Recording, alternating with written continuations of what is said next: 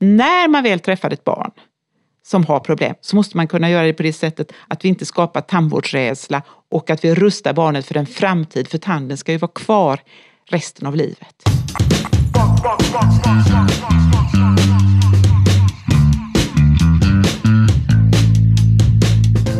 Hej och välkommen till Akademiliv som är podden som pratar med Göteborgsforskare inom medicin, vård, tandvård och hälsa. Och jag heter Elin Lindström Klasen. Och vår gäst idag det är Agneta Robertsson. Hej! Jätteroligt att vara här. Ja, välkommen hit. Eh, och eh, min kollega Pontus Sundén, du är också med oss. Ja, hej. Pontus och jag, vi är kommunikatörer på Sahlgrenska akademin, den hälsovetenskapliga fakulteten här vid Göteborgs universitet. Ja, och det är ju vi kommunikatörer som gör den här podden. Ja, och Agneta är ju vår gäst och du är forskare och professor och expert då inom barntandvård. Okej, och när, man, eh, när vi pratar då om eh, tandläkaren då tänker ju kanske i alla fall jag då mycket på hål i tänderna eller karies. Så kan man också tänka att det är ju väldigt få som har hål i tänderna idag trots allt. Ja. Det är väldigt få som har hål i tänderna idag, eller det har blivit, tandhälsan har blivit väldigt mycket bättre. Framförallt har den blivit mycket bättre i Sverige och för barn och ungdomar, för det är ju det som jag arbetar med. Och det beror ju framförallt på att vi har jobbat under väldigt, väldigt många år i Sverige organiserat att förebygga tandvård. Vi har ju hållit på med exempelvis om vi tänker på fluorsköljningar så har vi hållit på med det sedan 60-talet i Sverige. Vi har fluortandkräm och vi har jobbat Sverige och de nordiska länderna är ju de enda länderna i världen som har det här fantastiska att vi har en tandvårdslag att alla barn får samma tandvård. Om man tittar i Europa i övrigt så erbjuds inte barn tandvård om man inte föräldrarna har pengar. Men i Sverige är det lika för alla. Och det innebär ju att då har vi fått att tandhälsan i hela gruppen barn har blivit väldigt, väldigt mycket bättre. Men, men vad finns det kvar då? Jo, men om man då tänker så här, att om vi tittar på så har ju 96 eller 97 procent utav alla treåringar är ju kariesfria. Men om man då tittar på att det finns ju fortfarande, sen om man tittar på sexåringar så är, det, är vi inte på samma siffra utan då kanske vi är på 75-80 procent. Och, mm. och sen så blir det samma siffra om man går vidare på 12-åringar och lite högre upp. Och då finns det fortfarande en liten grupp av barn som har karies. Och den gruppen, om vi nu tar först det här med karies, alltså hål i tanden. Den gruppen är det oerhört viktigt att vi idag är duktiga att ta hand om den gruppen.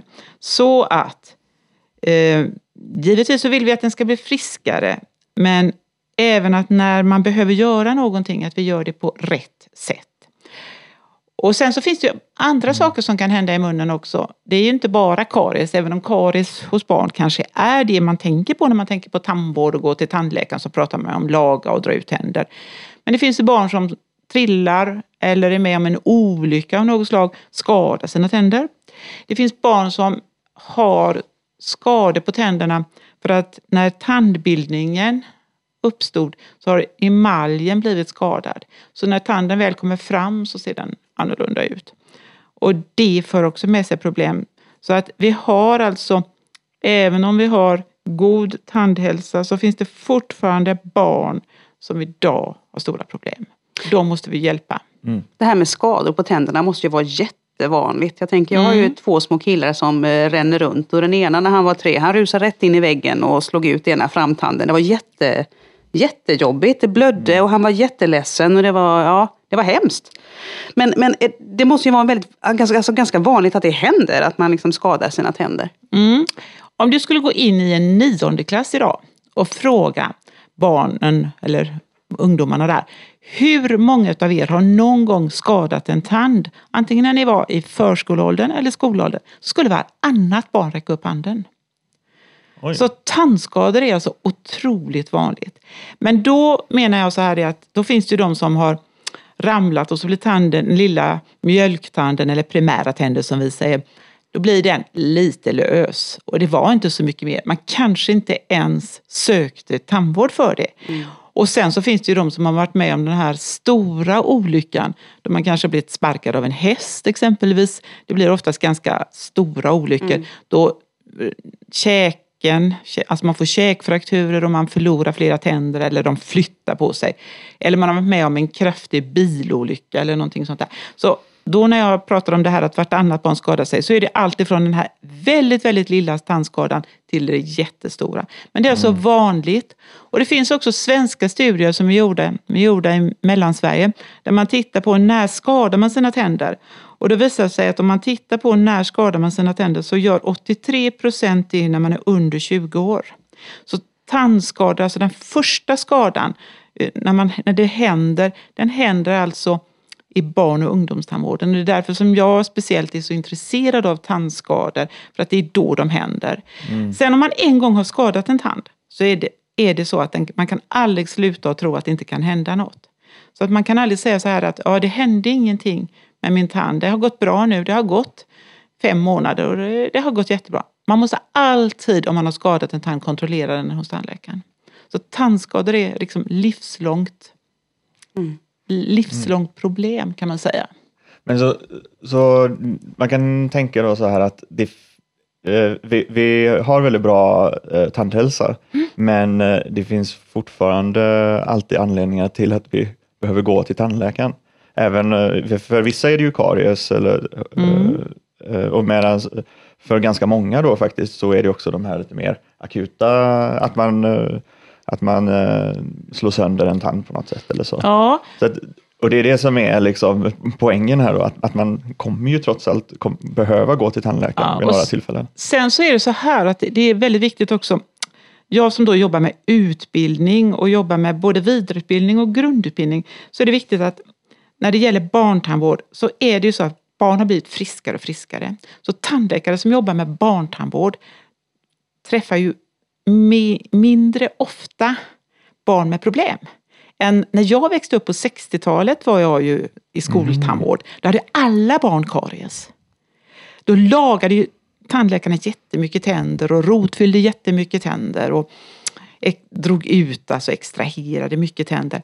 För det var ju vardag. Idag så är det väldigt många barn som är friska.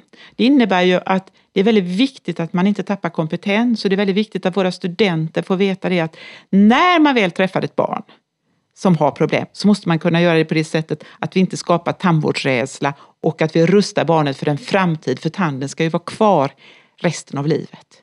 En framtand som man skadar exempelvis är ju jätteviktigt att man vet hur man ska göra och gör det på rätt sätt. Och att man får en patient som inte blir rädd av det man gör och inte mm. kommer tillbaka. Mm. Så det är viktigt. Och att vi sprider den kunskapen. Och jag har den stora förmånen att barntandvård ligger väldigt sent i grundutbildningen för tandläkare och även för tandhygienister. Det ligger på sista terminerna. Då träffar jag studenterna precis innan de ska gå ut och börja och arbeta självständigt. Och det är då man kan liksom verkligen peppra dem för att det här är jätteviktigt att man har med sig rätt kunskap så man skapar god tandhälsa i framtiden också. För barn ska ju inte bara bli mm. behandlade, de ska komma tillbaka också. Mm. Så man, det är nästan det som är det viktigaste då på ett sätt, om man tänker för det här barnet. Att, eh, en sak är att man ska laga eller fixa det liksom akuta problemet. Men sen skapar man liksom en eh, relation med tandvården så att man kommer tillbaka resten av livet, så att man sköter sina tänder eller så att man eh, ja, ta, fortsätter att ta hand om sig. Exakt, att man, och att man förstår att det är värdefullt liksom, att komma tillbaka, mm. att kontrollera de som behöver kontrollera. Men sen finns det ju väldigt många som är väldigt friska. Det ser man också på att barntandvård idag, eh, för några år sedan så kom alla barn tillbaka årligen. Idag så har man ju förlängt de här revisionsintervallen som det kallas. Och så att idag kommer ju friska barn bara tillbaka var 18 månad. Och det finns diskussioner om att det ska ytterligare förlängas. Men det fortfarande finns en stor grupp av barn eh, som behöver komma väldigt mycket oftare och få väldigt riktig behandling. Och den ska ju vara smärtfri och den ska vara kvalitet i och den ska vara utformad enligt senaste vetenskapliga rön det här att, att tandläkare eh, träffar och behandlar människor av alla åldrar eh, eh på det sätt som fungerar i, i folktandvården idag till exempel. Eh, skulle du tycka att det vore bra om det fanns fler eh, mm, tandläkare som var mer specialiserade mot att ta hand om barn? Tror du att det egentligen skulle behövas? Alltså det finns en specialitet som heter pedronti, som jag är ju specialist i. Det, det är ju en specialistutbildning man går då som allmäntandläkare och så blir man specialist på barn. Och då jobbar man på specialistkliniker och där kan ju då allmäntandläkaren remitterar patienterna när man behöver den här extra hjälpen. Mm. Eh, vad jag ser som ett litet problem är att det är för få specialister. Eh, jag skulle önska att det fanns fler specialister, att vi ökade specialistutbildningen i Sverige. Och det är inte bara inom min specialitet, utan vi behöver fler specialister inom många specialiteter. För när det gäller tandläkare så är det ju ett fåtal som är specialister. De allra flesta är ju allmäntandläkare. Och det är ingen specialistutbildning. Men vi skulle behöva öka antalet specialister för att jag tror att eh, det är eh, väldigt viktigt att vi inte har långa köer när man väl behöver komma till specialisttandvård. Mm. Sen så är det jätteviktigt när man jobbar i allmäntandvården och jobbar med barn och vuxna. För alla tandläkare jobbar ju, precis som du säger, med både barn och vuxna. Det är viktigt att man går kompetensutveckling, att man håller vidareutbildningen eh, levande. Och jag skulle nog önska att vi hade någon organiserad form av vidareutbildning som man har i många länder, att man måste fylla på mm. liksom sin grundutbildning. Man kan inte bara fortsätta utan man måste visa att man har gått kunskapshöjande utbildning. Mm. Skulle tycka att det vore bra om vi reglerade i Sverige. Vi har ju ingen sån reglering i Sverige, men det skulle jag tycka. För första intrycket kommer ju alltid vara med en eh, allmäntandläkare oh, egentligen. Absolut, så är det. Eh, och det är viktigt att det är bra och att det är på det sättet. Men vi behöver fler specialister och vi behöver reglera kunskapsnivån på allmäntandvården så att man ständigt följer med. Men, och, och, det här vi pratade om innan, om man skadar sina tänder, eh, vart, vart kommer man då? Eller vart åker man då? Ja, man åker till första närmsta tandläkare. Och då är ju det inte en specialist heller? Nej, då, det är en allmäntandläkare. Ja. För att om du skulle göra någon sån här, bara för att ta ett exempel varför jag säger man ska åka till första bästa tandläkare. Det är så här att om du slår ut din tand som trillar på golvet och det är en mm. permanent tand. Mm. Så det är jätteviktigt att få tillbaka den på plats. Och då har du ungefär 15 minuter på dig. Och, har, och om du förvarar den felaktigt, mer än 15 minuter, håller den i handen eller lägger den i ett glas vatten, så är den tanden så skadad att du kommer förlora den. Hur ska man förvara den då? Du ska förvara den i mjölk. Det är ett väldigt bra ställe att förvara den. Så man ska lägga den i ett glas med mjölk och ta yes. med den till tandläkaren? Det är jättebra. Alternativt om du nu är i skogen med ditt barn och inte har tillgång till mjölk, för man springer inte omkring med en flaska mjölk hela tiden, så du, kan du ha den i munnen. Saliven är också ett bra förvaringsmedel. Men då om du är förälder och är med, om det skulle drabba någon som är förälder, så ska man ta den själv i sin mun och inte lägga den i barnets mm. mun. För tänk den här lilla sjuåringen som gråter och är fruktansvärt upprörd. Och så blöder det jättemycket och så har man mm. jättemycket spott, för man får ökad spott när det har hänt. Och så säger man samtidigt, nu ska du hålla den i kinden eller under tungan, och du får inte peta på den, du får inte spotta, du får inte svälja. Och så gråter barnet hejdlöst. Och så en hysterisk förälder, för det är det. Eh, det man är alltid en hysterisk förälder som är med. Mm. Så att antingen så säger man till föräldrarna att ha den i munnen eller också så lägger de den i mjölk om det inte är föräldrar är med. Skulle det vara så att man har nära till skolan eller skolsköterska eller nära sjukvården så kan man lägga en koksalt. Men jag brukar säga det att det är inget att rekommendera, lägg den i koksalt för det är så få människor som har koksalt. Man ska ha sådana saker som finns på olycksplatser. Saliven finns, mjölk finns på väldigt många ställen där barn är. Varför funkar det inte att lägga ett glas med vatten då? Bara för att du måste tänka på två saker. Att det ska ha ett osmolaritetstal som är så lika. Det vill säga det ska vara en miljö som är så lika den kroppsvätskan och kropps, kroppen som är. Så det ska vara i sådana miljöer. Osmolaritetstalet för eh, vatten är, stämmer inte med kroppen. Så cellerna på rotytan eh, skadas. Mm. Är, är det eh, något med basiskt och Nej, det har surt eller det Ja, det ska vara rätt pH också. Det måste vara dels rätt pH och dels så måste det vara en miljö där cellerna varken krymper eller, eller sväller. Gud, vad spännande. Ja, det, är spännande. Det, är väldigt, väldigt, låter som att de är väldigt känsligt ja, material. Då, tanden är jättekänslig. Men om man då om man är riktigt duktig så stoppar man in den i hålet där den har trillat ut på olycksplatsen. Det är, väldigt, det, är det absolut bästa. Det, men då måste den vara ren, tanden. Och sedan så måste man kunna göra det och man får inte hålla på och peta på den då utan mm. man stoppar upp den. Mm. Och sen så ska man veta vilket framsida och baksida också. Tänder ser ganska lika ut på fram och baksidan om man inte är proffs. Så man inte vänder den så, åt fel Ja, för då blir det inte riktigt bra. Och sen ska man skynda sig till tandvården. Jag har gjort väldigt mycket manualer och jag har varit mycket och föreläst om just detta. och sagt det att de viktigaste personerna i tandvården det är de som sitter i receptionen när det gäller den här frågan. För att när den här föräldern ringer eller skolans lärare ringer till kliniken så gäller det inte att säga så här, skynda dig hit, vilket många gör, utan istället så ska man se till att man, hur förvarar du tanden? Och sen säger man, skynda dig hit. Mm. Så för att den där resan på 30 minuter som det oftast tar från olycksplatsen till att man sitter i tandläkarstolen, den kan ha förstört framtiden för tanden. Och då blir det förstört framtiden för patienten också. Som forskare, vilka, vilka frågor kan du se liksom återstår att besvara när det gäller det här med tandskador hos, hos barn? Och när det gäller tandskador så är det så att om det inte går bra, om man i samband med olyckan har flyttat tanden och sedan så kommer tanden inte att klara av att vara en, ha en frisk vävnad inne i tanden så behöver man kanske rotfylla tanden. Och om det då är en ung individ, för man skadar sig mest mellan 8 till 10 år och då, har man inte, då är inte roten färdigbildad för den blir färdigbildad ungefär 3 till 4 år efter att tanden kommer fram så den är ungefär färdigbildad när man är 11-12 år. Om man då behöver rotfylla den tanden så är det väldigt svårt att, för då rotfyller man en tand som har ett, eh, eh, dåliga förutsättningar för den kommer att vara väldigt skör och det är lätt att den går sönder. Och de frågor som idag man skapar det är om man istället för att rotfylla tanden kan med olika behandlingsmetoder få en ny vävnad i kropp, in i tanden.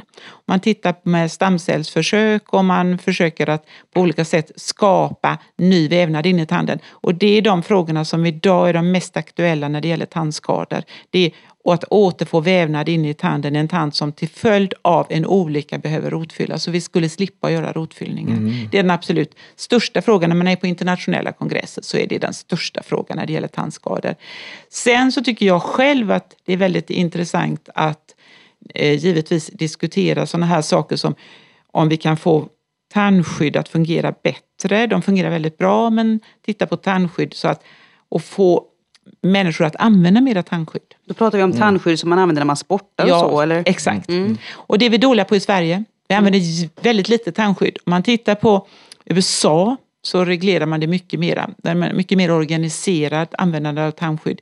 I Sverige idag så är det Visserligen används det i vissa sporter men definitivt alldeles för lite. Mm. Och eh, där är väl en forskning, hur kan man motivera, hur kan man få ut det här, hur kan vi implementera tandskydd mera? Det känns som att det här är två frågor på helt olika nivåer. Ja. Den ena ja. är liksom på molekylär cellnivå och den andra är på befolkningsnivå. Ja, och det är väl det, ja. och det, är det som är så roligt tycker jag. Barntandvård är ju så extremt roligt bara för att det sprider, det är så brett. Det är ju allt ifrån cellen till hur man gör i munnen och sen är det väldigt mycket beteende. Så det är mm. alla bitarna. Det är Spännande. fantastiskt roligt.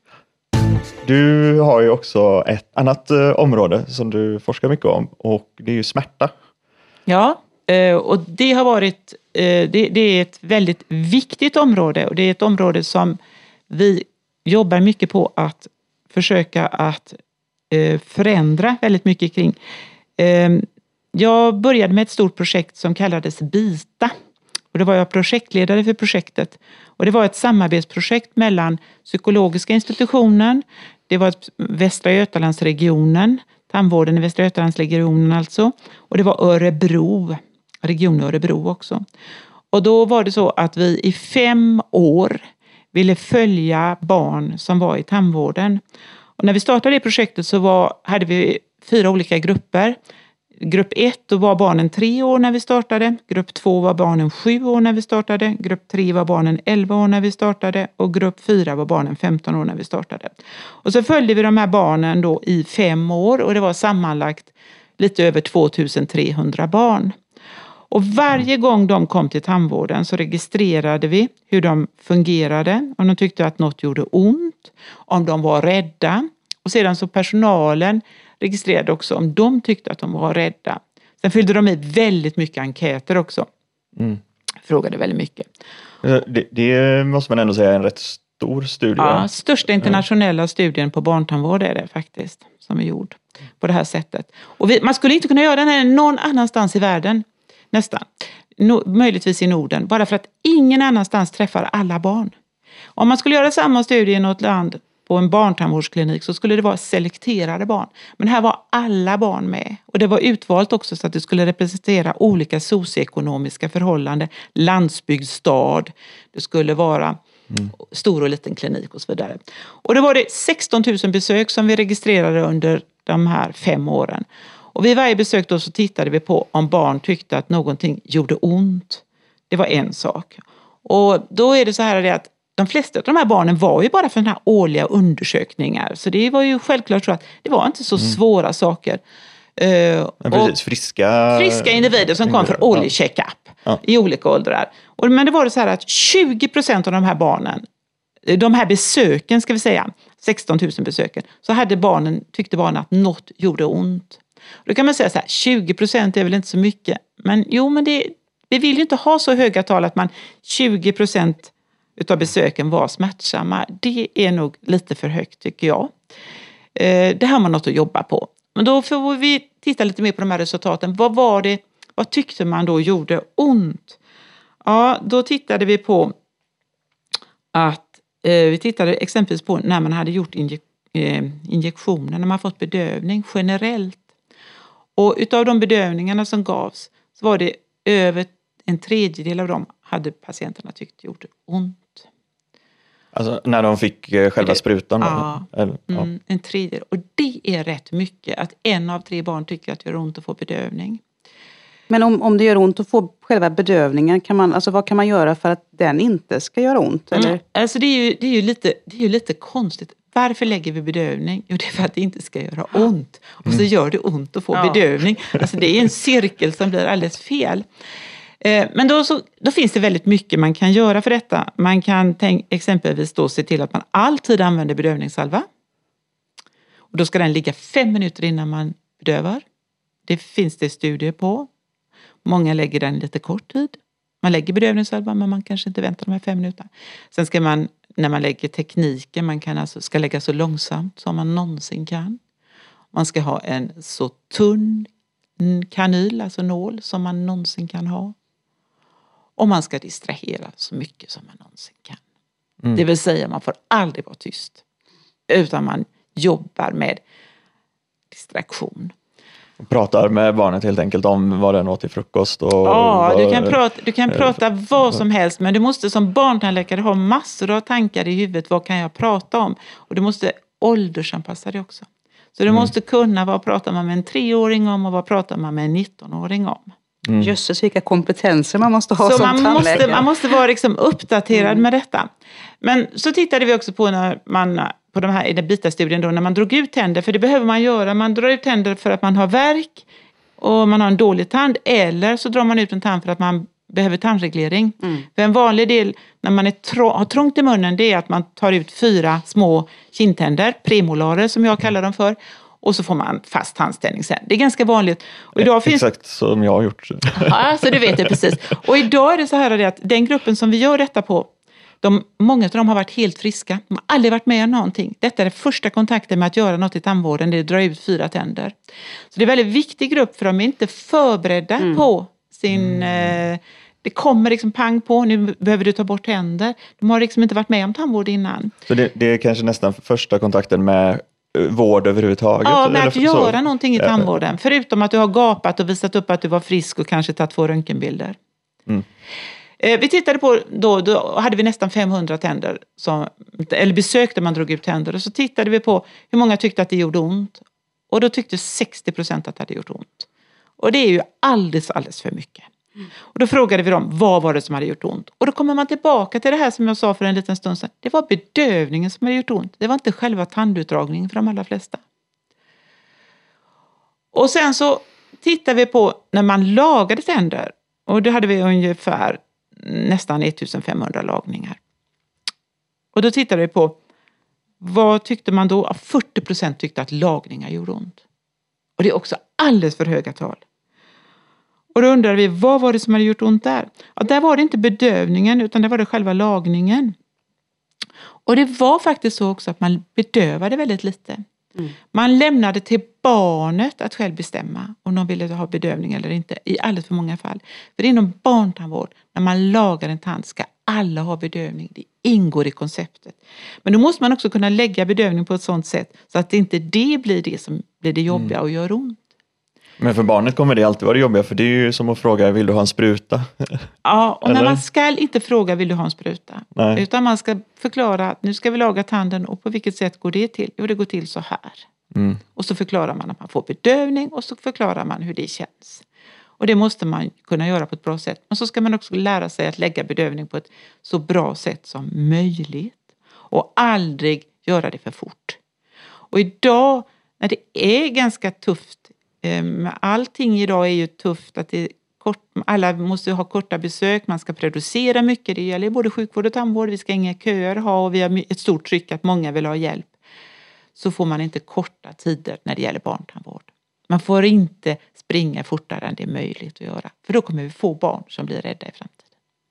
Mm. Så det är väldigt viktigt. Och då gjorde vi också så här att som en följd av BITA-studien då där vi fick veta att vi tycker nog att det är för lite, det är för lite de barnen som behöver vård, där tycker de att det gör ont. Det, det är ju inte alla som gör det, men det är en del barn som behöver vård och de gör det lite on, för mycket ont på. Så tittar vi på, då har vi skickat, gjort en eh, enkät där vi har tittat på vad tandläkare kan om smärta och där, vad de har för attityder till smärta. Och det är också en del i ett doktorsarbete som försvarades förra året. Och då kom vi fram till att det är nog så att det finns en kunskapsbrist om smärta och man har lite olika attityder till smärta och barntandvård. Och där såg vi att erfarna tandläkare var mer uppdaterade än oerfarna. Och i den studien så gick vi sen vidare och tänkte att hur har vi då informerat våra studenter nu? Vad kan våra studenter? Och har vi mätt att de kan? Vi kanske har föreläst, men har de tagit åt sig detta?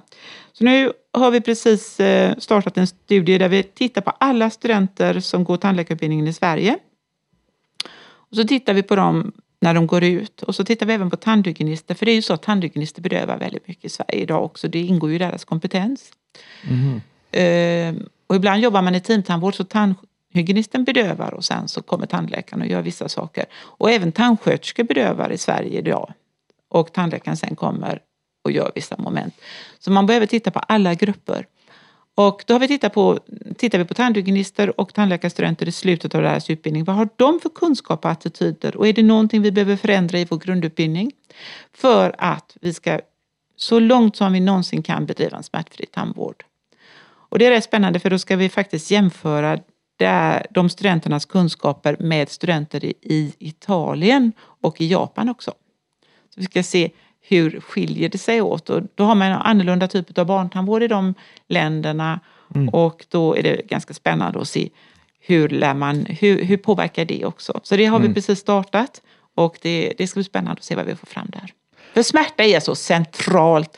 Och sen ska man veta också det att ingen annan än patienten kan bestämma om det gör ont. Så säger patienten att det gör ont så måste vi lita på det. Oavsett hur mycket vi har förberett med bedövning. För ibland så finns det patienter som sa i BITA-studien att tandläkaren eller tandhygienisten sa att det kan inte göra ont. För du har fått så mycket bedövning. Men det ska man veta, smärta är en subjektiv upplevelse. Du nämnde ju eh, konsekvensen av det här, alltså att om, om, om man som barn upplever smärta i tandvården så kan det eh, leda till rädsla. Det är ju en av de vanligaste orsakerna när man frågar vad var det som gjorde, är, varför är du rädd för tandvård? Så är det ju det att det har gjort ont. Man har varit med om något obehagligt eh, i tandvården. Och eh, vi vill ju att barn ska komma tillbaka till tandvården. Vi vill att man ska våga gå till tandvården och vi vill ju få jobba med tandvårdsrädda så lite som möjligt. Men när vi får barn som är tandvårdsrädda så måste vi också ha bra motiv att kunna arbeta med dem. Hur, hur, hur, har ni fått en uppfattning om hur mycket det hänger ihop det här att man upplever smärta och att man upplever obehag? Alltså är det, är det lite samma sak eller Mm, kan man fast- prata om det som två olika Ja, saker? vi gjorde ju så i Bita att man fick säga att eh, var något, om någonting gjorde ont och sen fick man också frågan om något var obehagligt. Och det har diskuterats väldigt mycket i forskning om barn kan skilja på de här sakerna. Och jag, det är, alla är nog överens om att man kan skilja på de här sakerna. Men i BITA-studien så var det ju så att man tyckte att det gjorde mer ont än att man tyckte att det var obehagligt. Men saker som man sa där var obehagliga, vad var det? Jo, det var exempelvis sån här som sugen hos tandvård, i tandvården. Den tycker man är obehaglig. Mm. Eh, vakuumsug som vi använder är ju ganska stark och ibland så åker tungan in och ibland mm. åker munbotten in. Det tyckte man var obehagligt. Mm.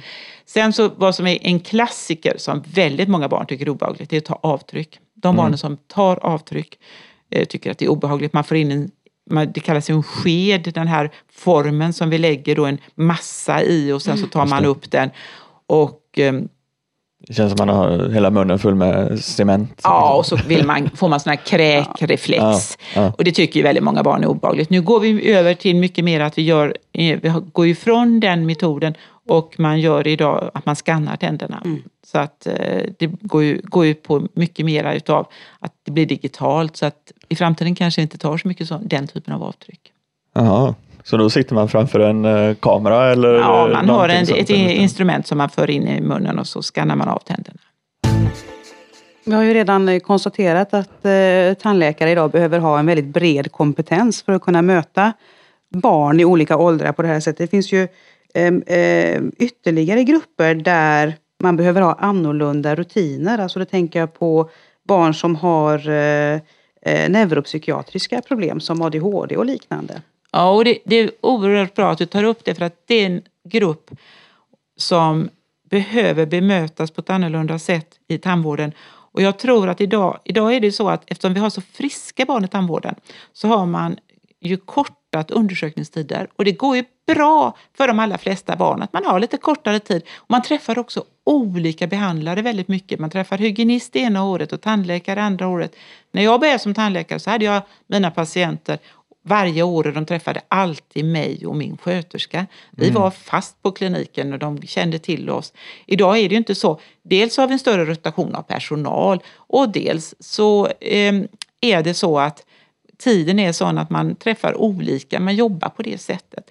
Och barn med neuropsykiatriska diagnoser, det vill säga barn med autism eller ADHD som är två stora grupper, de behöver en väldigt eh, strukturerad Eh, tillvaro när de kommer. De behöver bra rutiner.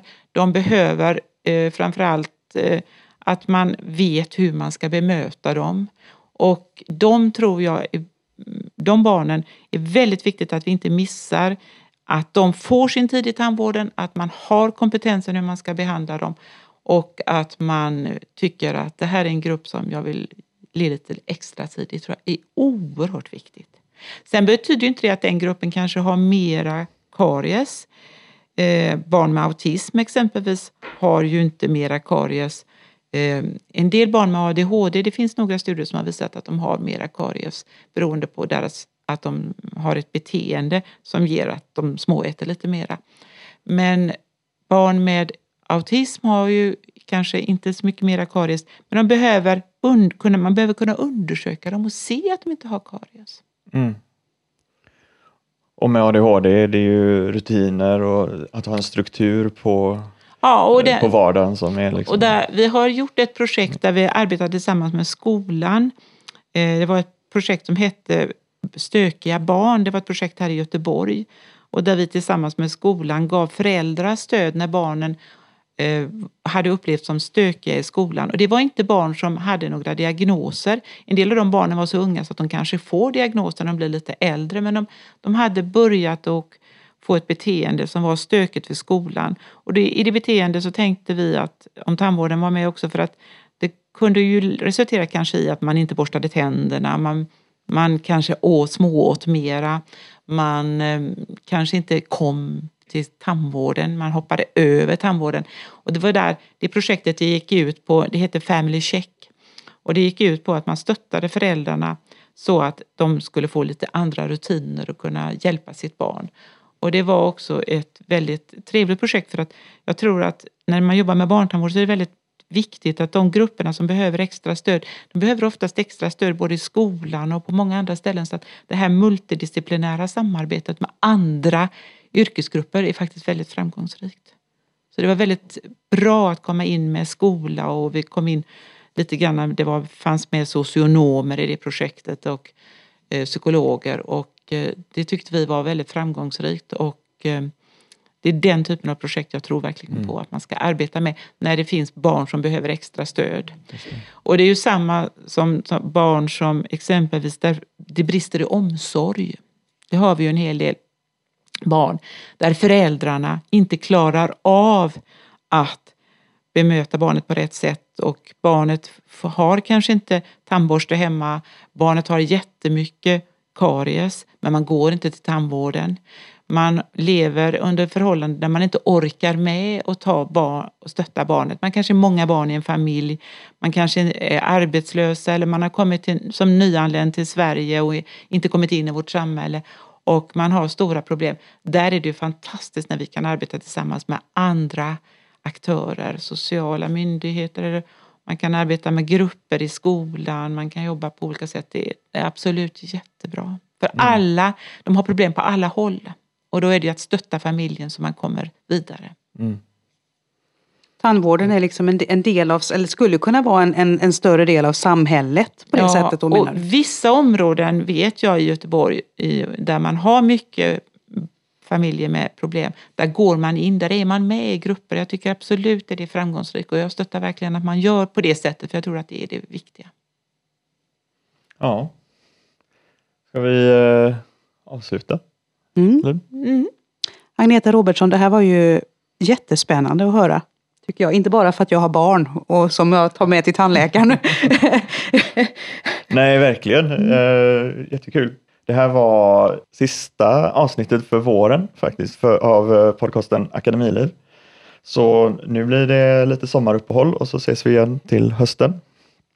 Akademiliv är en podcast från Sahlgrenska akademin, den hälsovetenskapliga delen av Göteborgs universitet. Och vi har hunnit prata med ganska många forskare nu under ett par år, så leta upp de andra avsnitten där poddar finns eller på salgrenska.g.se. Tidigare i våras pratade vi med Svenny Kopp som eh, eh, forskar om, som är psykiatriker och forskar om eh, flickor och ADHD. Så då eh, pratade vi också mycket om, om rutiner och struktur och hur man klarar vardagen och så. Ni får höra av er om ni vill med eh, tips eller frågor och sådär och då finns vi på Facebook och Instagram och Twitter. Och ni kan också mejla till akademiliv.g.se om ni vill hjälpa till och eh, sprida podcasten så att andra också hittar den så får ni jättegärna gå in på iTunes och skriva en recension. Det betyder jättemycket för oss. Mm. Tack! Tack så mycket! Mm, tack för att jag fick komma hit!